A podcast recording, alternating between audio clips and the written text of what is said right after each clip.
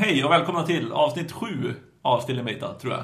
Det är avsnitt sju. Jag har tappat räkningen efter sex avsnitt, jag vet inte riktigt hur. Ja, det Jag visste inte att det var sex avsnitt. Det börjar bli så många nu så att det är så här svårt. Jag kan inte räkna riktigt så här långt. Så.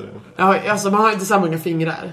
Alltså det är ju på en hand i alla fall. Ja, Det Hur är, många har du kapat? I've, I've been through some shit man. ja, mycket olyckor där. Ja, synd. Ja. Eller bara en. Det vet man inte. Ar- Arbetsskada. Ja, det är sant. Föddes det är sant. kanske du har så. pro- programmerat för mycket. Ja, men kanske det- föddes så annars. Tycker inte du ska vara döma. Jag har en funktionsvariation. Nej, nu går vi vidare. Eh, ja, vi tänkte börja med, som vanligt, vi tänkte prata lite om eh, design patterns i det här avsnittet, eller designmönster.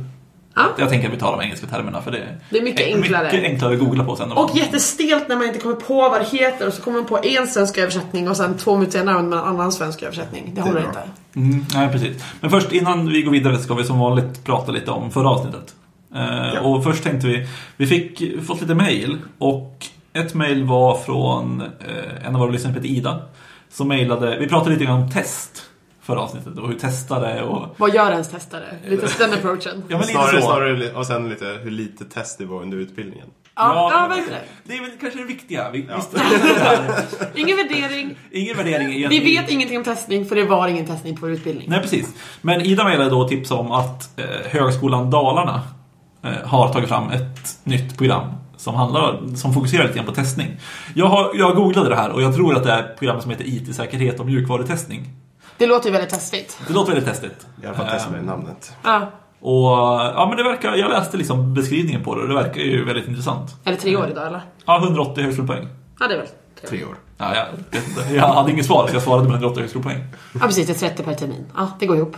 Nej, va? Det, det, jo, det går ihop. Ja, det går ihop. Ja, bra. Det går ihop. Skönt. Bra Amanda. Tack. Ja. Eh, Men eh, vi, alltså nu är det väl för sent att söka till i höst, tror jag. Det brukar vara april man ska söka. Ja. Precis. Eh, Så vi, men vi lägger en länk i, i show notesen. Kanske måste plugga upp något innan ni kan söka det eller... En, sen, Jag- en senanmälan. Ja, sant. Det är möjligt. Det går. Det är väl typ Ja. perfekt tid för sen anmälan nu. Ja, Tänker jag. Det är inte omöjligt. Men vi lägger en, en eh, länk till den utbildningen, hoppas jag. Och om det är fel så får väl ni rätta oss. Men eh, vi lägger en länk till den utbildningen i beskrivningen så kan ni kika in den. Sen efter det så fick jag över ett mail av Peter som funderar lite grann, som har reflekterat lite grann över det här med hur svårt det är att komma igång med webbutveckling idag. Det är lite Ja. skillnad från tio år sedan när det var liksom, ja men du satte ner, skrev lite HTML och så Såklart. la du upp det på ett webbhotell och så Ja, hoppas du på det bästa sen. Det är lite mer av en djungel nu. Om man säger. Ja, jo, men verkligen. Och vi tänkte bara dra alltså, lite kort hur vi tänker kring det. För Peter frågar lite grann så här vad det är man ska fokusera på. Alltså är det liksom POP eller ska man använda bara HTML, CSS, React? Alltså det finns liksom vad är vad och så här, vilken editor ska man ens använda för att göra allt det här? Eh, och vill man liksom utveckla på både Mac och PC, vad gör man då och sånt där? Ja, um, jag tycker själv att så här, webbutveckling har ju blivit väldigt så här, bekvämt på senare tiden egentligen. Eller så här, just med den här explosionen av JavaScript-bibliotek så är det väldigt mycket så här. Du behöver inte så jättemycket för att kunna komma igång med, igång med så här ordentlig webbutveckling egentligen. Ehm, men liksom vad jag skulle säga är liksom, ja visst man börjar liksom med HTML, CSS och JavaScript liksom. Jag själv vill ju gärna lägga liksom POP åt sidan lite för att jag är inte så fan utav POP. Jag är inte ensam med det. Vad har du emot POP? Eh, nej, men jag, jag, jag tycker att POP är väldigt, ja, det är väldigt, väldigt okonsekvent. Och liksom det är någonting, det började liksom lite snett.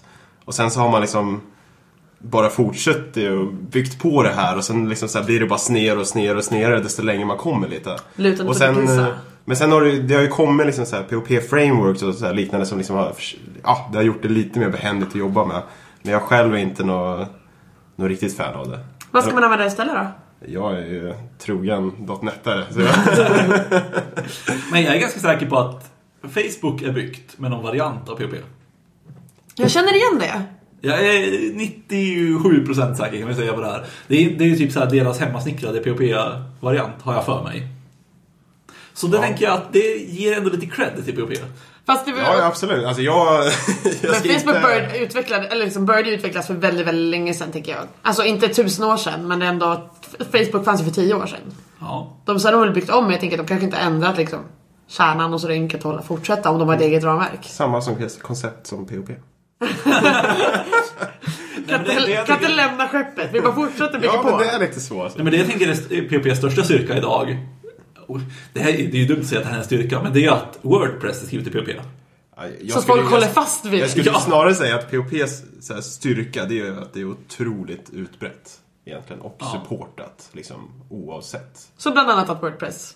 Eller? Ja, men alltså Wordpress är ju en liten CMS. liksom. Ett litet citattecken. Det är ingen som har talat om Wordpress. Det är... Men det har släppts en .NET-version av Wordpress. Jaså? Eller den kanske är i tidigt stadie. Släppt och släppt. Beta, tror jag. Vad innebär version av?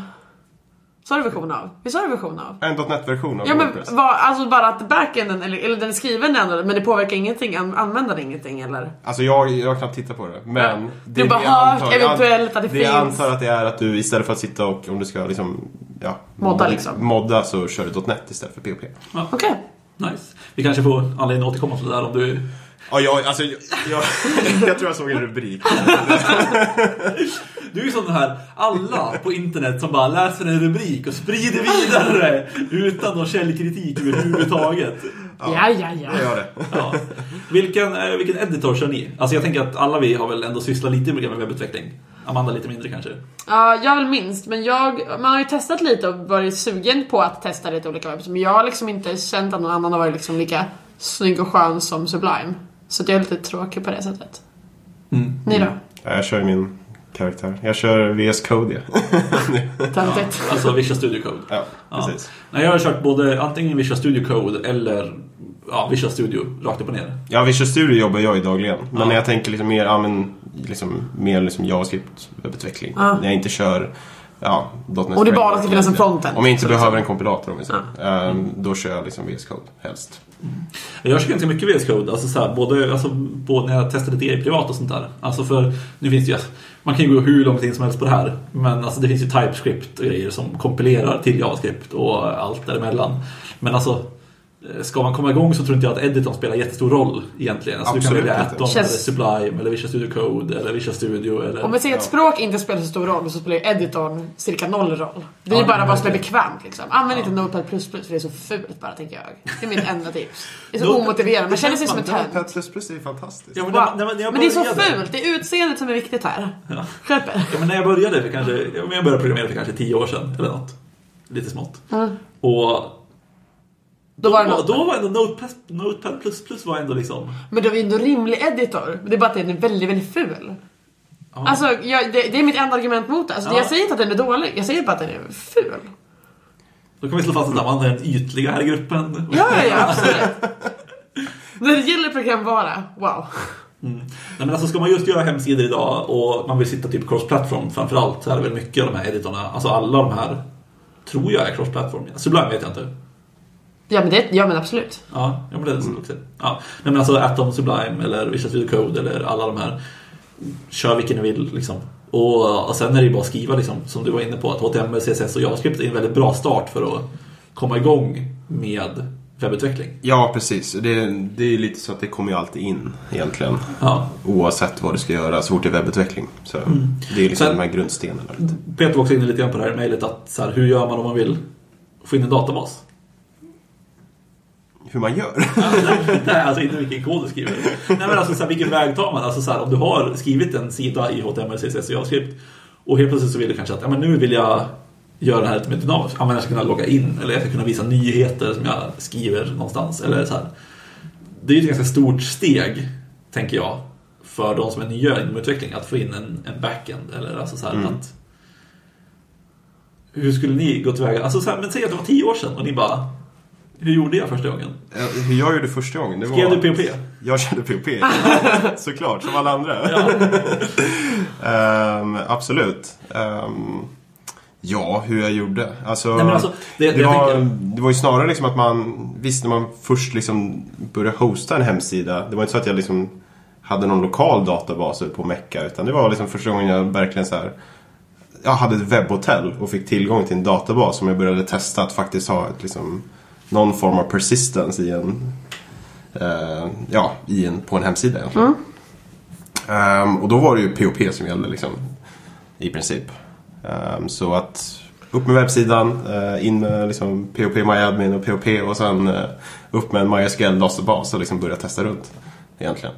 Så är webbhotell egentligen svaret? Eller? Jag, vet, alltså- jag förstår inte riktigt. Alltså, Nej, frågan här- är ju ganska bred, eller? Ja, absolut. Ja, men det, det, min tanke är att när man vill göra det här, alltså det finns ju ganska många sätt att gå tillväga. Alltså det, så här, ska man bygga med en databas lokalt så måste du göra plötsligt steget att gå från ingen databas till en databas, eller till ingen backend till en backend, är ju plötsligt att okej, men nu vill jag då vill jag kanske lägga till POP för att POP är enkelt att komma igång med. Eller jag vill använda ASP.NET som är C-sharp. Eh, Då måste du gå till det, plus att du vill lägga till databasen också. Det är liksom, man måste lägga till liksom två grejer på samma gång. Mm, vet, Men det finns ju väldigt mycket så här behändiga liksom, verktyg idag för att köra lokal utveckling men ändå ha liksom, du får en databas och du kan köra, alltså då tänker jag typ, ja men MAMP till exempel. Eh, WAMP för Windows. Ja, precis. Ehm, att eh, det är ju liksom väldigt behändiga liksom, verktyg för att få liksom, ja, det lokala webbhotellet eller vad man ska säga för att sitta och utveckla och liksom, testa att Ja, jobba med en databas. Egentligen. Ja, och samma sak, alltså kör man Visual Studio idag som jag tror är gratis i community-versionen Ja. eh, och utvecklar ASP.NET-sidor då har du ju allting inbyggt i princip Visual Studio. Du får ju med IS Express. Men hur funkar det när Precis. man ska liksom, om man ska deploya det? Är det bara, alltså från, i och med att det finns Ja, allt inbyggt? Det beror ju lite på vart du vill deploya det såklart. Alltså så här, ska du upp med det på typ Azure till exempel så är det ju superenkelt. Eh, upp på något webbhotell är det lite skillnad för att jag vet inte hur många webbhotell idag som stöder ASP.NET och C-sharp och sånt där utan det har mer blivit liksom molntjänster, molntjänster som, eh, som är där man hostar grejer idag. Webhotell är inte lika hett kanske. Jag vet inte. Det här är bara en uppfattning jag har. Alltså och vi, vi, jag har ju liksom ändå kommit in lite grann i det här med Du är ju lite hjärntvättad inom Azure, eller? Eller för att det, att det är så bra och så användbart Nej, och så jag, praktiskt? Jag, jag använder inte så mycket Azure. Helt Nej men du har ändå blivit lite hjärntvättad. Eller så här, Ja. fått, du har fått väldigt mycket information om hur det fungerar, om hur praktiskt det är. Absolut. Men det, det, det är också det jag skulle komma fram till att jag är ju mer inne i, i liksom businessvärlden, alltså så här, Mm. företagsvärlden än privatpersoner som hostar sina egna hemsidor. För då är väl webbhotell supersmidigt? Bara tjoffa upp där. Ja, fast det är ju dyrt. Är det så dyrt? Eller så här, visst, det finns ju gratisversion och allting. Ja. Men, men det är ju det är, det är en summa, alltså om du vill ha någonting som är reliable, om man säger. Jag ser ju hellre att hosta en sajt på typ Azure. Alltså, Så det är vad vi, vad vi rekommenderar? Kör mål. Nej, nej men inte om, du ska, inte om du ska lära dig. Då har du väldigt mycket andra verktyg du kan använda som är helt gratis. Ge exempel. istället. Ja men WAMP, MAMP. Alltså, jag har redan eh, det. Och det är liksom, ska du bara liksom testa och, det, och så här, eller ja, utveckla överhuvudtaget. Du kan gott ta det och deploya det senare. Men du behöver inte ett webbhotell för att börja lära dig webbutveckling. Nej, det är sant. Det är bara det jag vill säga egentligen. Ja. Och det, det är egentligen så här att alltså, om man vill börja använda, alltså man, man kan ju ta det här i steg egentligen. För att om man vill börja använda backends men utan att göra backenden själv så finns det också, också tjänster som kan göra det åt en. Jag tänker på till exempel Firebase som är en tjänst där du kan, ja men du har i princip en backend som du kan liksom skicka grejer till, du kan hämta grejer ifrån. Det är liksom en Du databas. kan liksom gå in och skriva, allt, skriva in datan manuellt och sen hämtar du den via JavaScript. Ja, eller skriva den i JavaScript också. Alltså Jo, jo, men du kan liksom bara flytta in datan. Ja, men precis. Enkelt. Om man inte Eh, vill... Och då behöver du inte koda backenden själv, men du får fortfarande arbeta med hur det är att liksom arbeta med en databas. Det tycker jag var ett jättebra exempel faktiskt. Och då får man ändå lära sig det i ett steg och sen kan man då ta steget nästa gång att skriva en backend själv för att sen liksom börja arbeta med databasen och allting sånt där. Eh, Det tycker jag var jättebra exempel. Vi ska försöka lägga länkar i beskrivningen till uh, WAMP, MAMP, Firebase och Det blir allt det mycket. Eh, Men jag tror att det är ganska bra. Det finns nog ganska många konkurrenter till Firebase också. Tidigare fanns ju Parse, men de har lagt ner tyvärr. Eh, Jag har ingen annan på rak arm nu tyvärr. Mitt vinne är som en guldfisk. Jag känner bara igen saker. Fast jag vill inte guldfisk. Jag är som en guldfisk plus lite igenkänningsminne. Det är synd. Ja, men jag tror att vi, det är väl ändå en ganska bra intro till webbutveckling. Alltså fokusera på HTML, CSS, JavaScript. Försök att typ använda de backend som finns redan, typ Firebase eller liknande. Eh, Men också testa att jobba lite. Ja, och sen också. testa att skriva en backend själv. Alltså, det är inte... Det är, det är ju det bästa om du ska typ, ja men, få ett, in det här liksom databas-arkitekturtänket egentligen. Ja, men precis. Ehm, så det är väldigt viktigt också om man är intresserad utav lite både och kanske, eller bara backend för den delen. Ja, men precis. Men jag tycker att vi eh, går vidare till eh, dagens ämne helt enkelt. Det låter bra. Ja, Vad var det nu igen?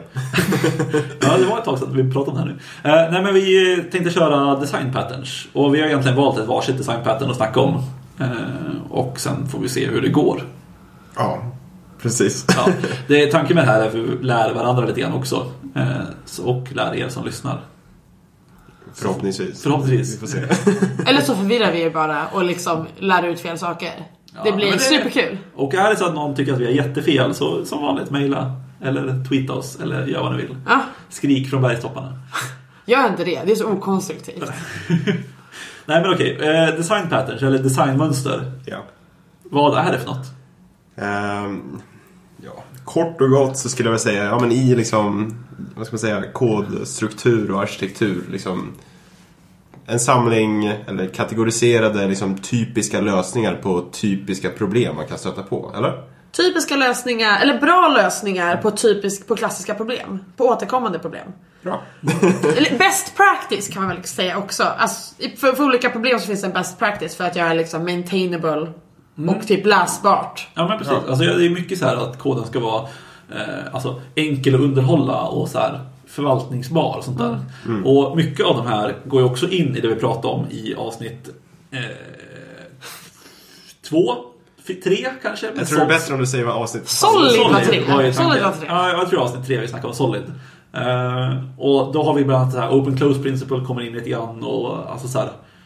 Många av de här går ju lite grann in i andra principer som finns. Och Solid är väl ganska stor. Och, Jag tänker att de flesta patterns liksom be, kom, utgår ifrån en eller flera sådana enkla principer. För att förenkla, liksom, för annars kan man ju säga, ja men open closed, det, det är, kör så. Men hur? Och design patterns är väl egentligen hur man ska följa de här enkla reglerna. Ja, Eller till synes enkla reglerna. Ja, efter liksom väldigt skilda situationer egentligen. Ah. Och skilda Ja, problem liksom.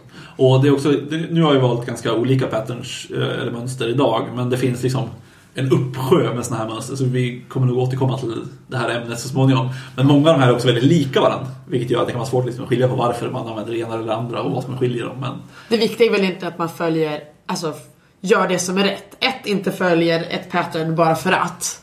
Ehm, och, Nej, precis. Det ska ju lösa någonting också. Ja men exakt, Alltså- och vara applicerad. Inte bara såhär, åh men observer pattern, det är så bra. Och så använder man det i någonting, något jättekonstigt. Ja men typ såhär, ja, men, ja, ja men typ kör ett observer pattern och sen har du bara en till en relationer hela tiden. Ja. Till exempel. Alltså, nej, men precis. det blir bara och, krångligt. Nej, men precis. Och liksom, det, det är ju som sagt, man ska liksom inte följa det blint.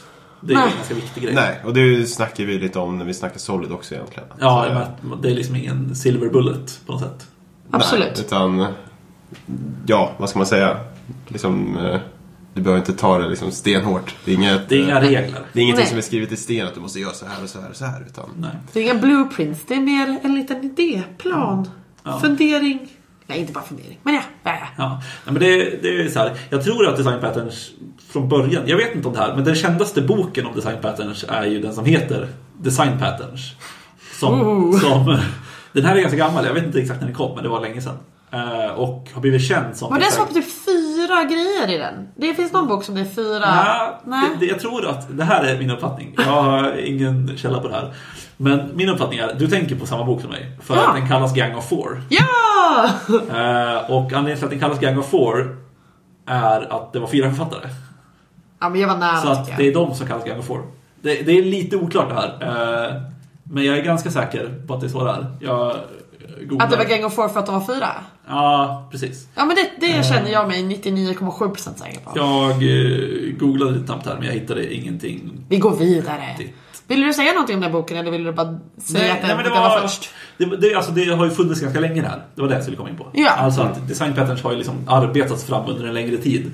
Och det finns liksom design patterns inom massa olika områden. Och de vi pratar om är ju liksom inom objektorienterad design.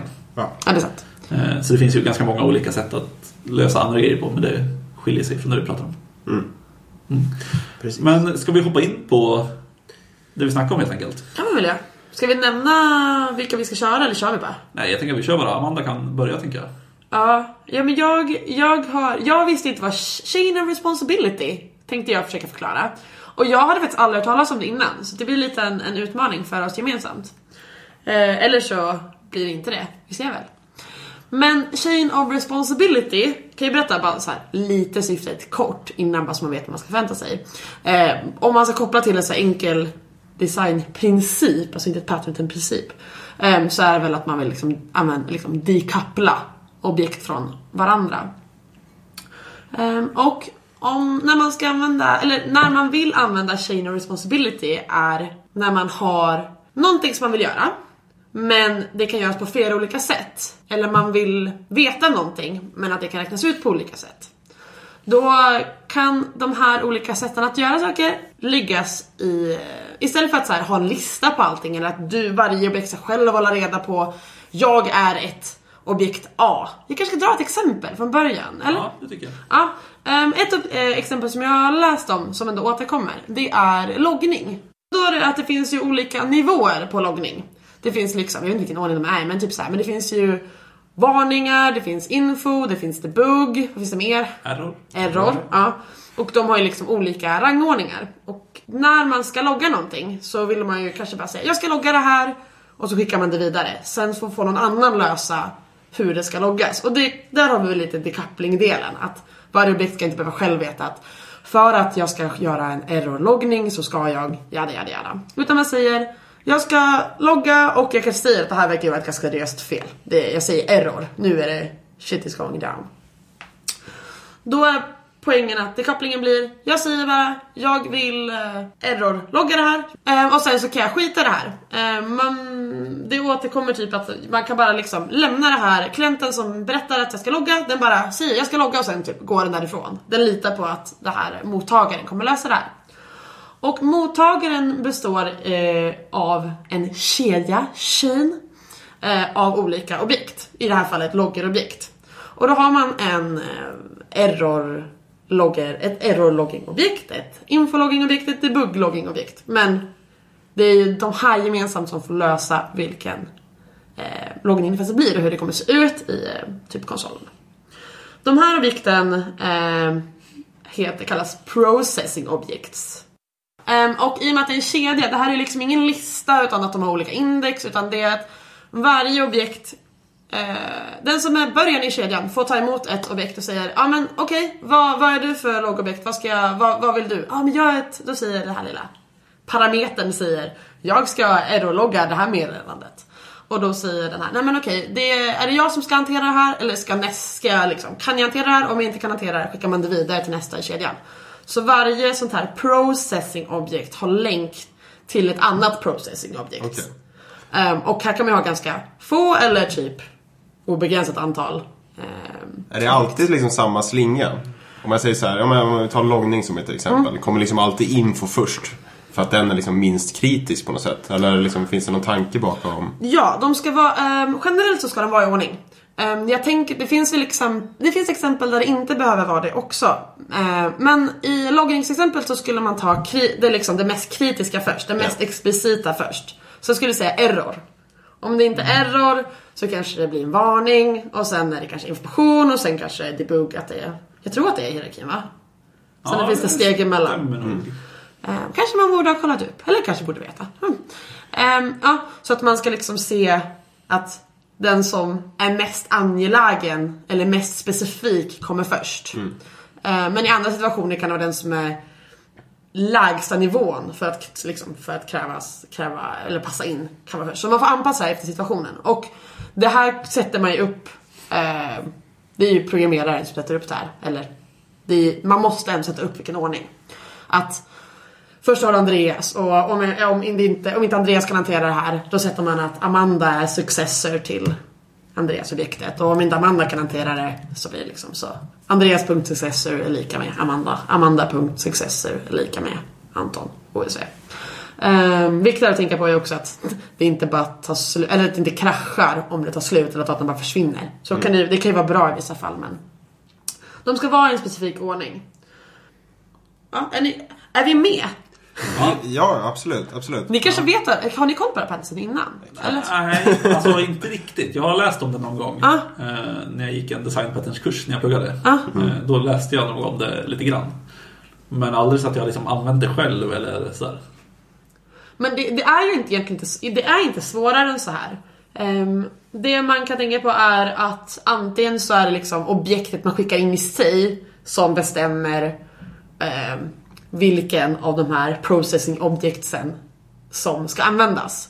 Eh, den kollar, ja men om en bikt är bara en siffra så kollar den, ja men är siffran mindre än 5, då är det jag som ska hantera det här. Eh, Ja. är det en grön så ska jag hantera det, eller motsvarande. Men sen kan man även skicka in command objects som är i princip en instruktion. Ehm, och med loggning så skulle det kunna vara då, ja men error. Jag tänker mig att enklaste sättet att implementera det här är typ en enum, så att det inte blir fel. Men, men är det liksom en, är det en kedja? Jag tänker så här, när man säger kedja. alltså Det är en jag, kedja. Jag, tänker liksom, hur är det ehm, strukturerat rent kodmässigt, om man säger så? Mm. Jag, jag, jag tänker att varje klass har liksom en referens till någonting Mm. annat. Alltså av samma typ. Man ska ju gärna ha då ett, alltså antingen ett interface eller en, en, en abstrakt klass som, eh, som man ärver. Eh, om vi utgår från att det är en abstrakt klass så har den abstrakta klassen i princip typ utför arbetet-metoden som säger i det här fallet kanske logg. Eh, och den tar emot då ett objekt och eventuellt en sån command-objekt, error, debug.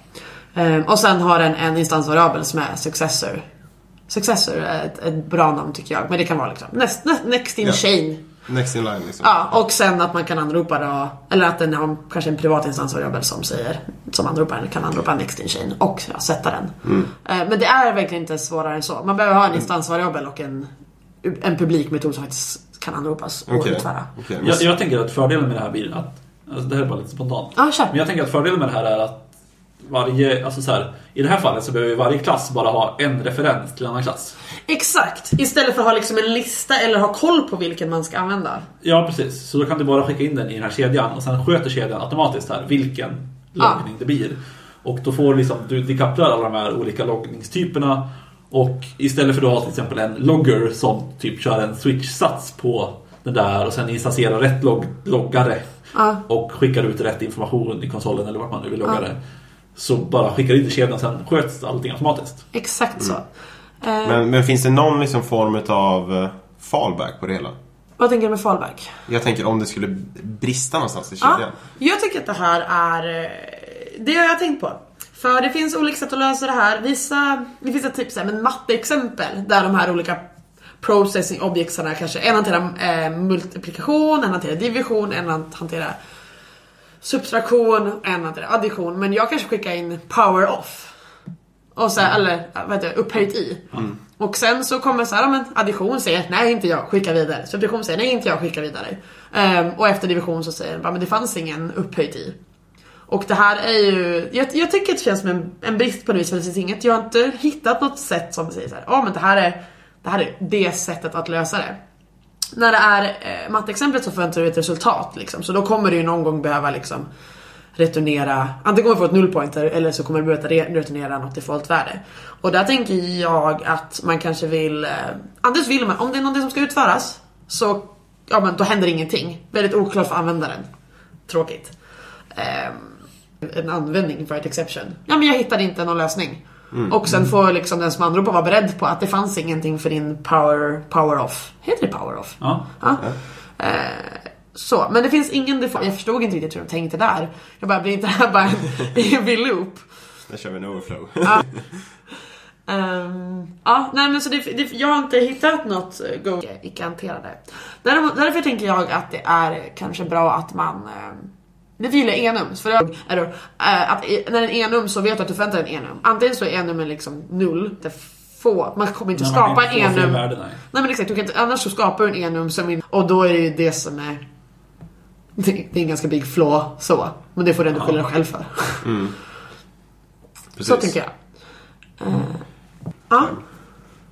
Ehm, hur, sk- skulle det, alltså är tanken enum för typen utav det du kastar, alltså en loggningstyp då? Ja, Är nästa. Varför är det motiverat att liksom köra den kedjan och kasta den kanske fem steg än att köra en switch-sats på en enum då? Jag håller med.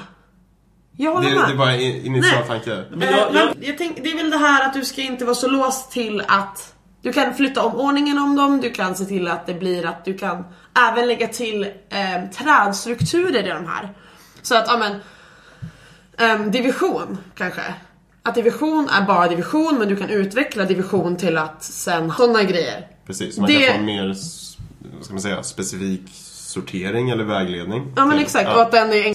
liksom expanda någon ful switch. Ja men exakt, och switchsats är väl en sak som är liksom, att ha så mycket Nej. switchsatser. Nej, alltså, det, Inte på sådana grejer Det var väl lite grann det här vi, Du får ju mycket mer decoupling. Alltså Mm. så här, du får ju l- lösare knutna. Det är bara en klass som beror på en annan klass. Ja, Än om du har till exempel en switchsats. Då, har du då måste du ha en klass, den här, tjej, den här kedjan. Så blir det liksom att Ja men då, då kan du liksom skicka in vad du vill och sen kan du bygga på kedjan hur du vill. och du kan ändra mitt i kedjan. Du kan ändra mitt i kedjan, du kan göra lite vad du vill med kedjan utan att det liksom påverkar någon annan del av programmet. Medan liksom, har du en switchsats, då måste du ändra i switchsatsen och du måste ändra i den klassen. Och så. Jag tänker inte så att gå in och ändra i switch-satsen är det centrala problemet egentligen. Utan det är snarare beroende. Ja, om jag är matte processing objektet så bryr jag mig verkligen om, om ingenting annat. Eh, som är av samma, super, eller har samma superklass som mig. Men du har ju ett beroende alltid. Vart skickar Men det går ju också då att ha då en endpoint. Typ att om Mm. min next in chain är null så måste du hantera det. Ja, precis. Det- men det problemet känns inte som att det är, det är inte design patterns fel. Det är mer... Du kanske har problem med din logik om du liksom... att du måste, ja, du måste ändå ja. hantera eh, oväntade grejer eller fel eller att det tar slut. Om någon skickar in en... Det känns mer som ett designval av liksom applikationsdesignval än koddesignproblem. Ja, precis. Am I right? Vad ska säga? Enkelt förklarat också. Eller så här, det Ja, går ju men det är inte så himla mer- svårt. Ja, men det går ju att göra väldigt komplext på ett sätt också. Ja. jag. Ja, ja men absolut. Alltså, ja. Men jag tänker eh, att vad är skillnaden på att bara ha... Ja just det, men det tänkte jag säga också. Du kan välja att göra det här på två olika, alltså två olika sätt. Men det är mer vad du, behöver, vad du behöver göra. Om du ska göra multiplikation så vill du returnera någonting. Då kan du ju säga liksom Nu har jag räknat ut vad 4 plus 6 är. Och så returnerar man 10. Så att jag hade sagt fel. Eh, då är du ju liksom klar. Men om det är att någonting ska utföras. Tänk en dator. När du klickar på eh, Windows-knappen. Visst är det, det är Windows nu? Ja. Sitter här med 3 Max. Eh, men du sitter på den, då kanske du vill att flera saker ska hända. Du vill ju både att liksom den här rutan ska ploppas upp, du kanske vill att det som är där bakom ska fejdas ut, alltså du vill att flera saker ska hända. Så om du sätter ehm, de här sakerna in i hierarki, typ att först så ska nu påverkas, sen ska program i bakgrunden påverkas, sen ska kanske, vad heter den här lilla panelen där det står vad man håller på med till höger på Mac och längst ner till höger på Windows. Den kanske vill påverkas. och, ja men alltså så här, att det finns ändå olika steg och då är det hierarkin som man placerar med pros- processing objectsen i. Och då skulle det ju kunna påverka flera Ehm, så det är också bra, där man behöver liksom inte bestämma vart det ska ta slut. Och om man vill lägga till någonting mitt i att jag vill uppdatera mitt program så att när du klickar på den här knappen så ska det hända någonting mitt i processen. Då är det bara att antingen tjoffa in en till liksom, som kanske var tom innan eller så. Ehm, ja, men precis. Det känns ju som att... då- det har så- flexibelt. Så. Ja, men precis. Och då, då blir det lite mer att man har liksom en hierarki där det kan bubbla uppåt ja, exakt. istället för att liksom det är mer en kedja. Utan då blir det mer att okej, jag har gjort mitt med den här, jag kan skicka den vidare uppåt i hierarkin. Um, så det tyckte jag faktiskt var det, det, det, det matteproblemet känns ju sådär. Ja. Samma sak med alltså, så här, loggor, det går ju att lösa smidigt på andra sätt. Ehm, det tyckte jag var, tyckte jag var smidigt. Mm. Eller alltså någon som hade jobbat med ja. Eller snarare, Win- ja. eller ja, så här, om det går fel någonstans så kan väl... Exakt. Alltså, ja. Så du behöver liksom inte säga bara nu gick någonting fel, avbryt allt. nej, precis. Utan Då kan du ju rädda upp situationen och skicka vidare ett, ett, ett modesta eh, sättet. Eller liksom användningsområdet. Men jag kan ändå se att man skulle kunna använda det här. På, alltså, rent allmänt där man jobbar liksom. Ja. Eller med Absolut. det man jobbar. Ja. Men jag har aldrig sett eh, liksom det Nej, här jag har användas. inte kommit på något exempel. Nej, inte jag heller. Eller inte så här, liksom, vad ska man säga, den här, ja om man förklarar enkelt, liksom, beroendekedjan liksom, Ja. så här, har man inte riktigt stött på. För annars kan det vara så här, jag gör någonting, jag klickar på en knapp och sen är det flera som subscribar på det. Men då är det liksom, de är ju oberoende av varandra, de kan ju liksom inte avbryta varandra. Ja, nej precis. Nej. Eh, det finns väl någon funktion i något språk som jag använder som, där man kan påverka det, men... Eh, ja, jag vet inte vad jag tänker på. Ja. Men det, det, det tyckte jag var smidigt. Mm. Ehm, Känner vi oss klara med chain of responsibility? kan ni out? Om jag ställer quiz nu. Absolut. Bra. Hit me. Ja, vad är enumän för sortsobjekt? Stelt. Vi går vidare. Yes, men då kan vi jag passa på att ta mitt pattern då. Vad är det för pattern? Eh, jag, tänk, eller jag har kikat lite på eh, Observer pattern faktiskt tills idag. Oh wow. Fräscha upp minnet lite. Okej. Eh, har ni jobbat någonting med Observer pattern innan? Nej, eller jo, det har man ju på något sätt. När man vet vad det är så har man jobbat med det. Ja. Det är väl, det, kan man säga att det är det vanligaste? Eller typ eh, topp top tre att folk har använt? Ja, men det tror jag. Ja, jag tror väldigt många liksom... Att Man tänker ju inte på det, inte aktivt, Nej. men det finns ju implementerat överallt. Ja. Ja, precis. Och det finns ju väldigt ja, konkreta lösningar på det. Ja, säga precis. egentligen. Men eh, vad är det för något? Um, egentligen så, Observer pattern det är egentligen för att liksom hantera en en en till många relation egentligen. Eh, och Observer pattern bygger egentligen på ett intressant objekt om man får säga så, the subject. Eh, och the subject har ett gäng liksom intressenter egentligen, kallade observers. Ja. Som är intresserade utav när the subjects förändras egentligen. Så att observer pattern bygger egentligen på att liksom, dels att man ska dekoppla så mycket som möjligt. Ehm, och liksom låta ett, ska man säga, hantera en en till många relation i form av att the, the man kan subscriba till en subject, eller the publisher, som man också kan kalla det. Varpå så fort the subject förändras kan den liksom publicera till alla observers som har subscribat att nu har jag förändrat. Om man vill, det här är det nya värdet. Om man inte vill så säg bara att du har förändrats. Eh, varje observer får själv hantera vad den vill göra med den här förändringen. Eh, för uppenbarligen så är observerns beroende utav the subjects state. Annars hade den aldrig subscribat i princip. Så att det är de två delarna som the observer pattern består av. The subject och observer. Är det relevant att visa något så här anti, eller så här hur det, hur det skulle kunna se ut om det var liksom absolut inte följde det här? Hur menar du? Ja men att typ att de här, om du är liksom om, Jag tänker att det enklaste kanske börjar med ett exempel. ja, ja men exakt. Men jag förstår vad du menar. När det är liksom så här. Att jag, Ett- om jag vill veta vad som händer med dig, och Ja. att, för nu blir det som att, i, att du berättar för alla som bryr sig om dig och vad Mm. som händer med dig, att du berättar för dem. Men hur skulle det vara om jag vill ta reda på så här, Andreas har hänt någonting? Andreas har hänt någonting? Ja men det är precis det där man vill undvika. Att liksom, ja, dels ha det här, eh, liksom, vad ska man säga? Du vill inte ha den här frekventa liksom så här. Att du hela tiden ska kolla liksom så här. Ja, har det hänt någonting? Har det hänt någonting? Har någonting förändrats? Utan snarare liksom man kör på den här Hollywood-principen. Liksom att Don't call us, we call you liksom. när, när någonting har förändrats liksom så här. Ja men du kan, du kan subscriba till, till mitt state liksom. Men jag säger till när, när någonting har förändrats. Efter att liksom så här, ja, när, jag, när det har förändrats då säger jag till. Vad du väljer att göra med det, det är upp till dig liksom. Ehm, och om man då väljer att lösa det på att man skickar med det nya state valuet eller att när man har förändrats så får liksom observern själv hämta liksom statet eller ja, det är lite upp till en själv. Men det är liksom grundprincipen egentligen att man egentligen broadcastar ut till alla observers att nu har jag förändrats. Och då slipper man, visst är det pollande när man liksom kollar, har hänt något, har hänt något, har hänt något? Ja, precis. Så man slipper det och kan istället bara, nu har det faktiskt hänt någonting. Ja, precis. Så det blir liksom ett, jag ska säga, ja, enk, alltså eventbaserat liksom en till många relation i princip. Um, så om man skulle ta liksom ett väldigt enkelt exempel. Om man har till exempel en, ja, säg en webbshop som har liksom x antal artiklar. Ehm, och den här webbshoppen har någon form av liksom nyhetsbrev som man kan eh, alla kunder kan eh, subscriba på. Ehm, och så fort det kommer upp nya artiklar så skickas det ut ett mail till alla som har subscribat.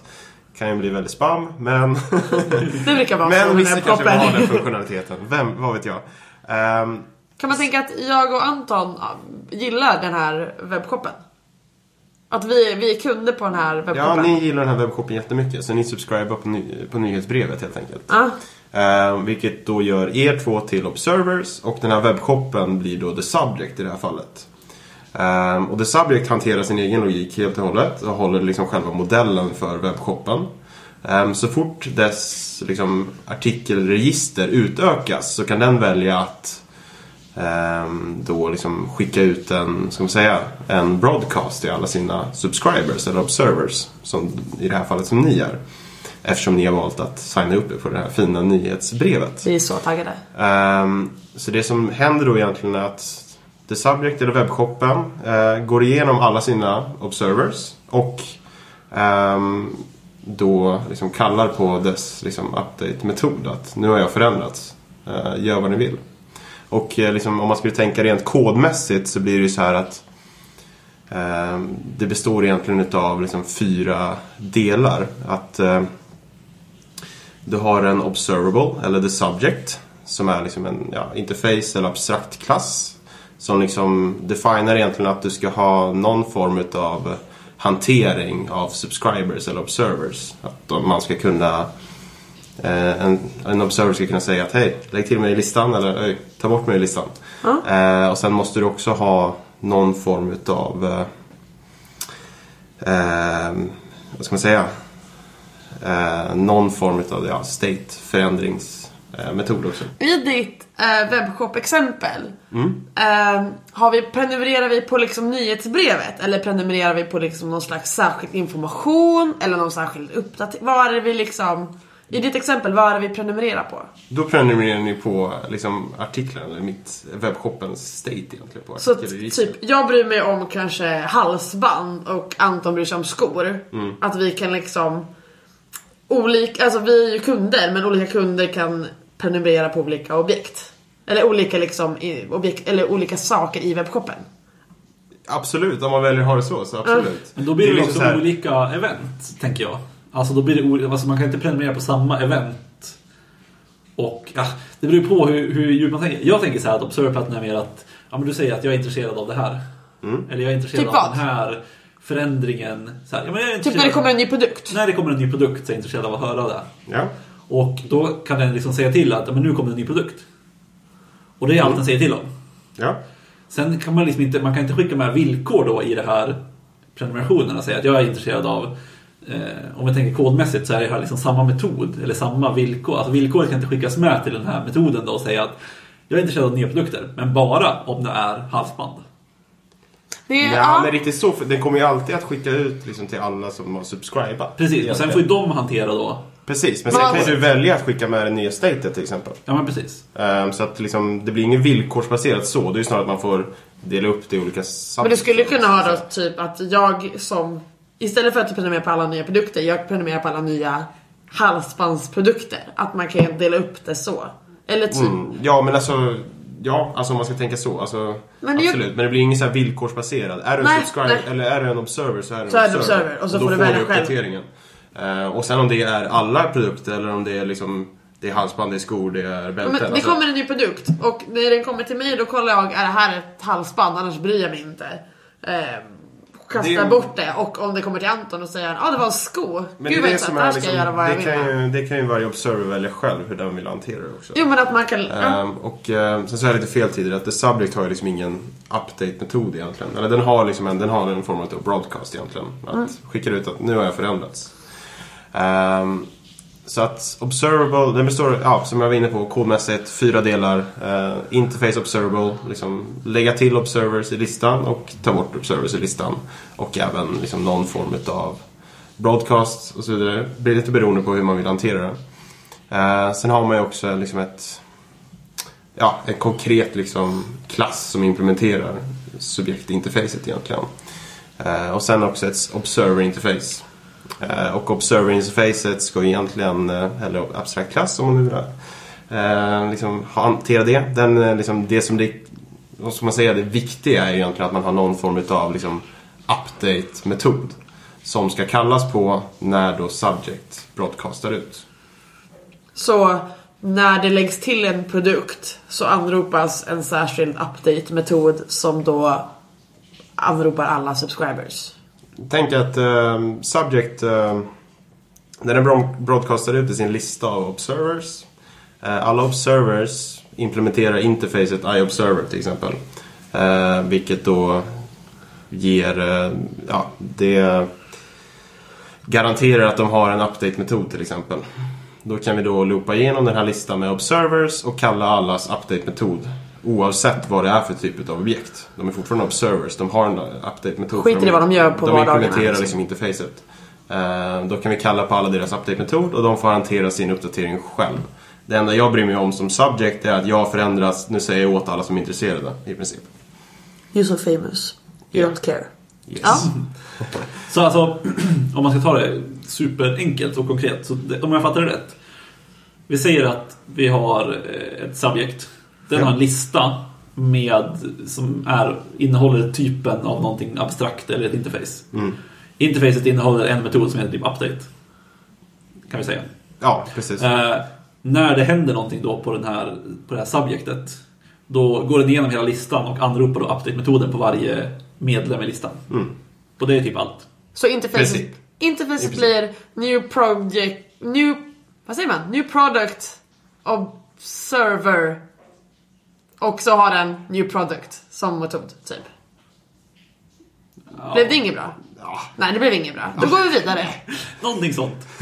Men det var bra specifikt nej, men jag tänker så här, jag liksom. tänker så här, du behöver inte skilja på det riktigt, så heller. Eller så här, ja. Det, det centrala är egentligen, enligt mig, är ju att ja, dels kan du hantera en till många relation på ett smidigt sätt. Ja. Ehm, och du får det dekopplat och sen också att liksom, vad ska man säga? Den liksom dependent, liksom, den här en till många relationen uppstår ju för, för att det är många som är intresserade utav ett objekt egentligen och dess Yes. state. Yes. Eh, och det är mycket funktionalitet som beror på statet på det här objektet. Eh, och det är egentligen att den här beroende funktionaliteten kan liksom hanteras dekopplat i liksom varje observer i princip. Helt enskilt. Eh, och the subject behöver inte bry sig om det på något sätt. Supersmidigt. Eh, ja, Det är bra. absolut. Några exempel på det här är väl typ eh, om man kör Windows Forms någon gång. Så använder väl knapparna Observer Pattern för att berätta för folk när man klickar på dem. Alltså att du lägger på events Ja, generellt precis. i C-sharp eller Alltså, .NET. ja. Men alltså när du klickar på en knapp, det den gör då är väl att den broadcastar till sina observers att Mm. nu klickade någon på mig. Ja. Det här är väl ingenting man ser när man bara kör, men det finns ju ett dokument som är ganska nära till hands där alla subscribers är listade. Ja men precis. Design. Ja. Och det är ett ganska konkret exempel på när det här sker i verkligheten. Liksom. Absolut.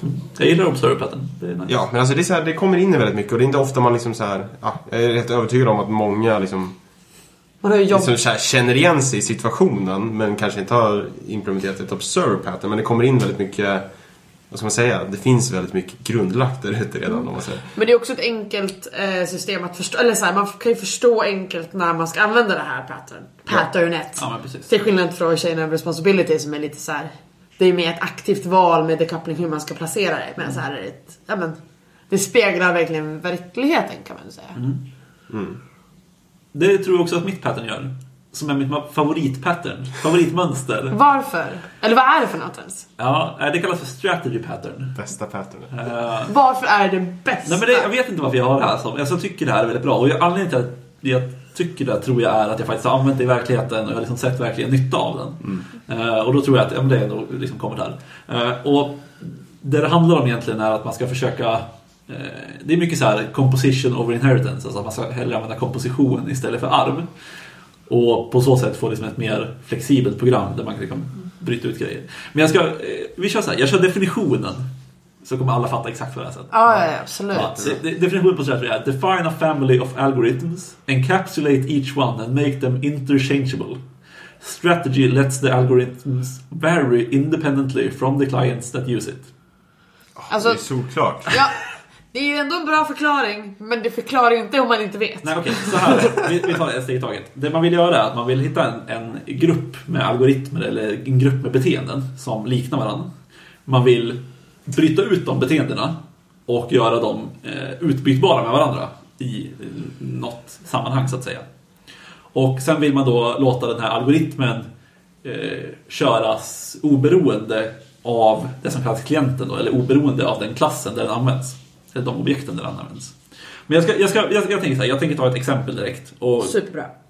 mitt exempel är lite mer verklighetsfrånvänt än resten. Men det är ett ganska bra exempel. Okej, vi tänker så här att vi har en klass som heter Duck, alltså anka. Det har man ju alltid. Ja, som är en superklass. Den klassen har en metod som heter Fly, för ankor kan ju flyga. Sen har vi två stycken till ankor som ärver den här klassen. Och då har vi en Lake Duck, för det, finns ju uppenbarligen sjöankor. Ja. Eh, och sen har vi något som heter Swedish Duck, som är en svensk anka. anka. Finns det ens? Ja, men den är lite Men det är annan. inga sjöankor. Nej, det är, nej. Ja, det är viktigt att skilja de två. Ja, det är, det är en annan typ av anka. Men den är också en fly-metod. För den, alltså, den ärver ju fly-metoden. Han flyger, av håller på. Ja. Så att båda de här har en fly-metod och det är superbra. Sen kommer då det här lilla problemet att sen ska vi lägga till en ny anka. En rubber duck. Och det är alltså en gummianka. Och den kan ju inte flyga. Det här är naturligt, det här hänger alla med på. Så nu har vi då, problemet är... Det är har- bara ett så himla bra exempel. Ja. Jag blir helt begeistrad. Absolut. Vi har duck som har en fly- fly-metod. Som då innehåller, ja, Flaxa, Ja, typ. flaxa typ. Sen har vi Lake Duck, Swedish Duck som också kan flyga och har samma metod. Och sen har vi Rubber Duck då, som inte kan flyga. Flaxa är så himla lite. Precis. Och då har vi då ett, ett alternativ är att vi overridar, alltså vi överskrider fly-metoden från superklassen och så skriver vi ingenting i den. Att den är tom, för den kan inte göra någonting. Så istället för flaxa så Så, händer det så händer absolut nada. ingenting. Problemet är sen att, okej, ja men då kanske vi vill lägga till ytterligare en anka. Vi kan säga att det är en garden duck, alltså en trädgårdsanka. Alltså en, som en trädgårdstomte fast en anka liksom. En sten. Exakt, en sten. Eh, Och då har ju den också, den kan inte heller flyga. Alltså. Men det är en anka. Ja, det... det är så himla lös definition av anka. Men, Vi har domänproblem här. ja, men jag kommer komma till en poäng snart. Ja. Ja. Vi- så då vi har vi. Lake Duck och Swedish Duck, de har liksom samma beteende. Och sen har vi Rubber Duck och Garden Duck, de har, inte riktigt, de har också samma beteende. Men det skiljer sig åt mellan de här fyra. Och då kan vi se att vi har liksom två olika algoritmer. Det är en som har flax och en som har, gör ingenting. Men de är ändå liksom, det är ändå en grupp av algoritmer. Och det man då vill göra är att man vill bryta ut det här. Så att istället för att vi har en fly-metod som har liksom flaxa på duck och sen att vi ska köra override på de här rubber duck och garden duck. Då gör vi istället så att vi skapar en, ett interface, för interfaces är ju bättre än abstrakta, abstrakta klasser. Och det vi gör då är att vi ger den här abstrakta klassen, vi kan döpa den till iFly strategy. Och I är ju då för att man döper interfacet till I först och inte som I som är jag. Och i den här då så ger vi den en metod som heter fly. Sen har vi då det här interfacet. Sen skapar vi ytterligare en klass som implementerar interfacet. Och då kan vi säga att den här är, vi kan döpa den till Flaxa Strategy. Och nu blandar vi svenska och engelska här, jag inser det. Men, ja. Så går det när man kodar på svenska. Precis, så Flaxa Strategy har vi också. Den klassen då får ju då ta den här eh, implementationen som vi från början hade i superklassen, Duck. Så då flyttar vi över den till den här nya klassen som är en strategi som implementerar iFly Strategy. Och då infly-metod. Och sen så gör vi då ytterligare en som ärver av iFly Strategy. Som då också implementerar fly. Men då inte innehåller någonting. För där kan man, den flaxar inte helt enkelt. Och vi kan kalla den för No-Fly Strategy. Till exempel. Deppigt. Ja, det är lite deppigt. Namnen på de här är lite tveksamma inser jag, men det är inte poängen. Så det vi har nu är alltså, vi har alltså ett interface som är för att en, en fly strategy. Sen har vi då två stycken konkreta klasser som implementerar interfacet. Som då innehåller en klass som kan flyga och en klass som inte flyger. Det vi sen gör är att istället då för att eh, ha vår fly-metod på DAC-klassen bara eh, ha en implementering. Så ger vi den istället en, eh, en egenskap med typen iFly strategy. Så att den har liksom en property för det här, för det här. Och sen i fly-metoden så anropar vi bara den här propertyns fly-metod. Så att interfacets metod egentligen. Det som händer då är att istället för att vi kan behöver overrida då fly-metoden i alla, eller i rubber duck och garden duck så kan vi egentligen bara ge de här klasserna den strategin som de ska använda.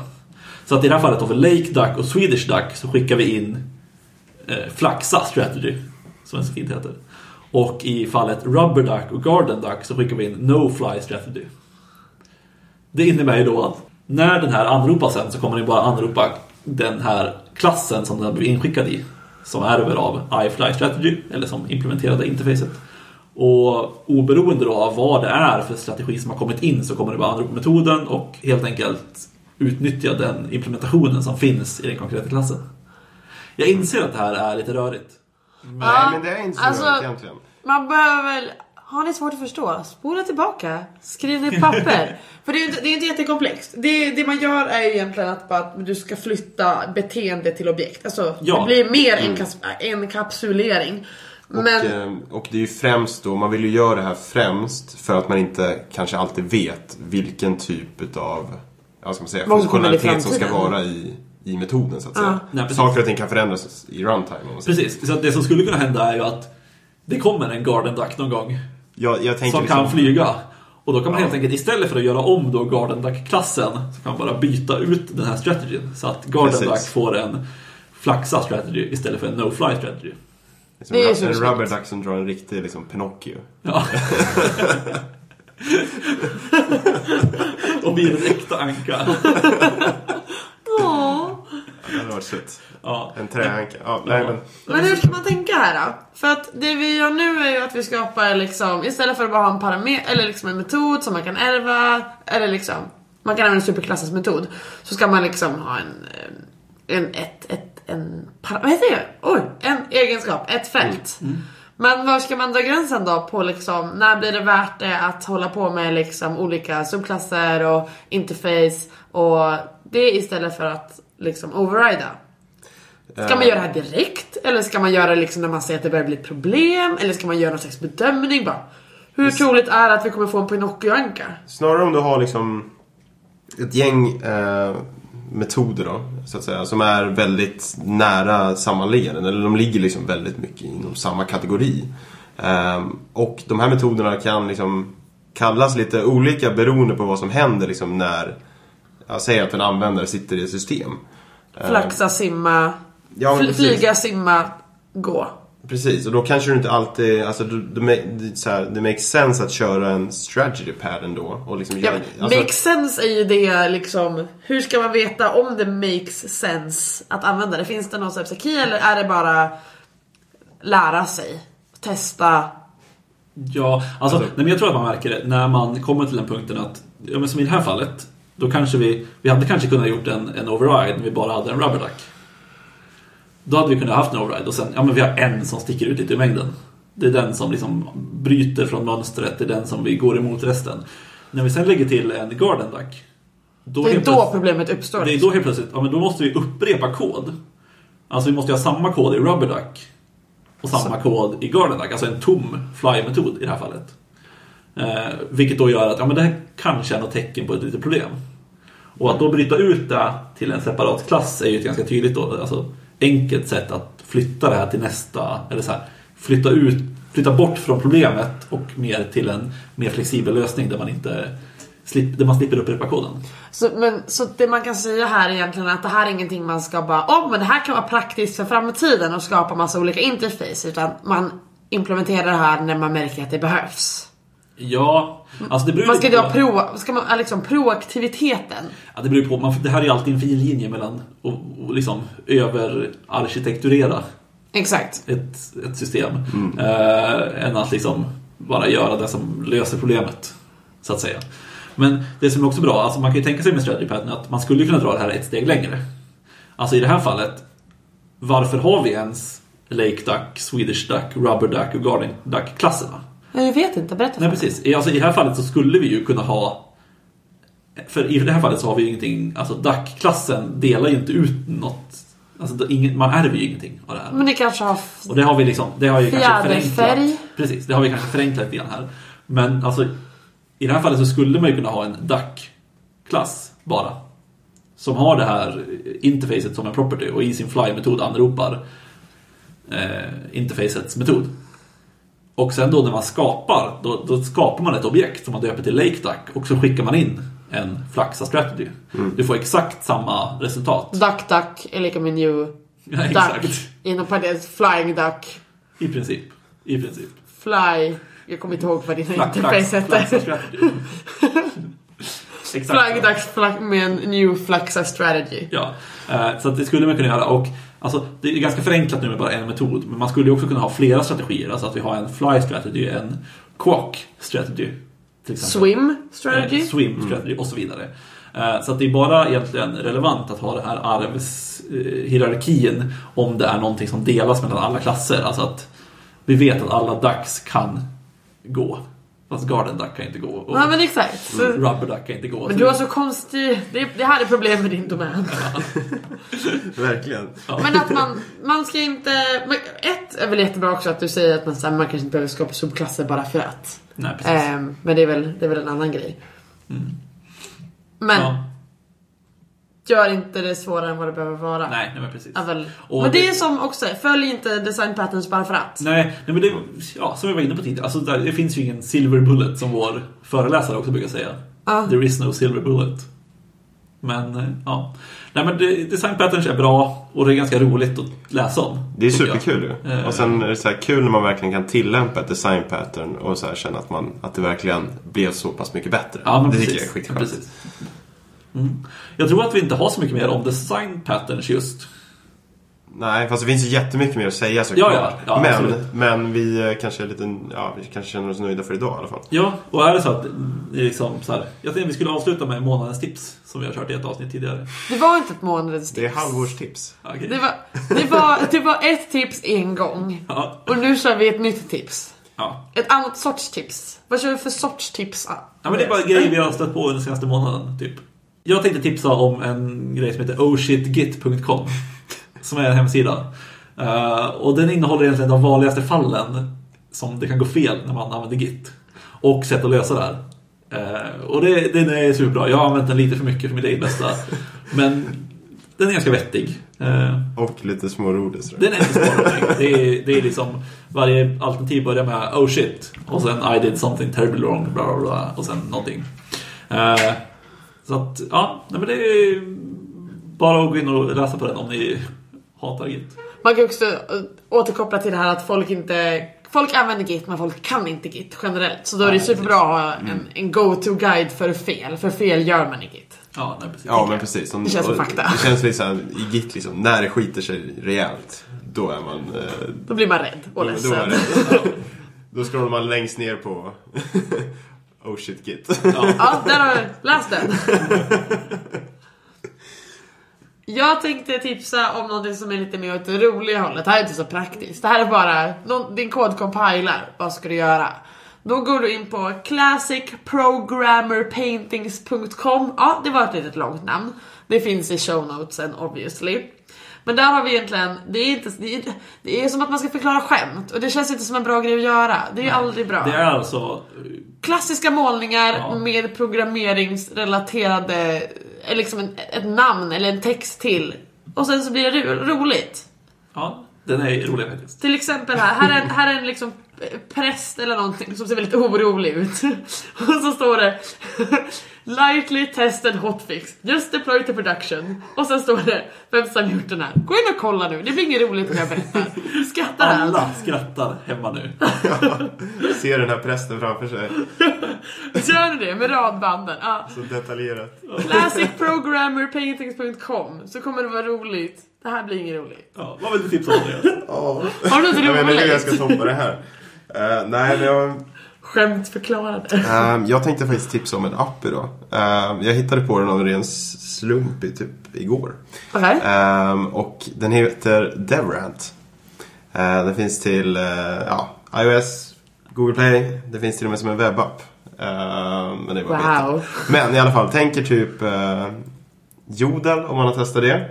Eh, fast för utvecklare egentligen. Är jodel verkligen en term som folk har koll på? Om man har studerat, kanske. Men Men är, i alla är, fall. Är, är, det, alltså, är det exakt som Joel med anonyma? Att man postar anonymt? Du har ju en användare som du skriver om, så det är inte helt anonymt. Fast det är ju Eh, inte för ingen annan vet. Det är typ som Twitter. Det är Twitter fast, Fast, eh, anonymt fast och tidsbaserat. Ja, och sen eh, liksom du postar dina inlägg och eh, folk kan upvota eller downvota. Och alla som upvotas hamnar högre upp. Så Reddit.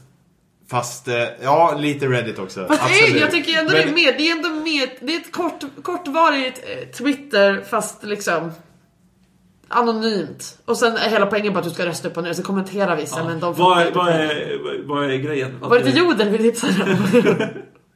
Är det roligt? Det är roligt. Alltså, ja, men tänk er utvecklare som skriver av sig om ja, antingen liksom, sin ilska över någonting, över någon jobbig kund, eller bara liksom, roliga liksom, kodsnuttar eller whatever. Jag tyckte det var väldigt underhållande i alla fall. Härligt att jag är den enda med ett seriöst tips. Oh shit. Så jäkla seriöst. Ja, men det tycker jag. Nej, men jag tänker så här. Vi är väl klara här för idag. Det här avsnittet har dragit lite på tiden. Men om det är så att ni tyckte det var bra så får ni jättegärna höra av er och säga om vi ska prata om fler design patterns, för det gör vi gärna. Eh, och om vi har fel, får jag rätta oss gärna. Det gör ju folk på internet generellt sett ofta. Ja, Så att har vi fel, vi vill gärna berätta det. Och är det så att ni vet att vi har fel så skriv på mail som är, info at stillinbeta.se ja, kanske. där. Och Ah. Twitter är at stillinbetapodd med två D. Yes. Ja. Eh, och ja, det är väl det. Ge oss gärna en recension på iTunes. Ja. Eh, vi blir superglada, det hjälper andra att upptäcka oss och det är det som får oss att fortsätta göra det här helt enkelt. Verkligen. Tack för att ni lyssnade idag. Ja, tack själv. Jag hoppas att ni har lärt er någonting. Det har nog gjort det. ja. Ja, absolut. Ja, vi hörs om en månad. Tack. Tack och hej! Hej då. Du, du, du.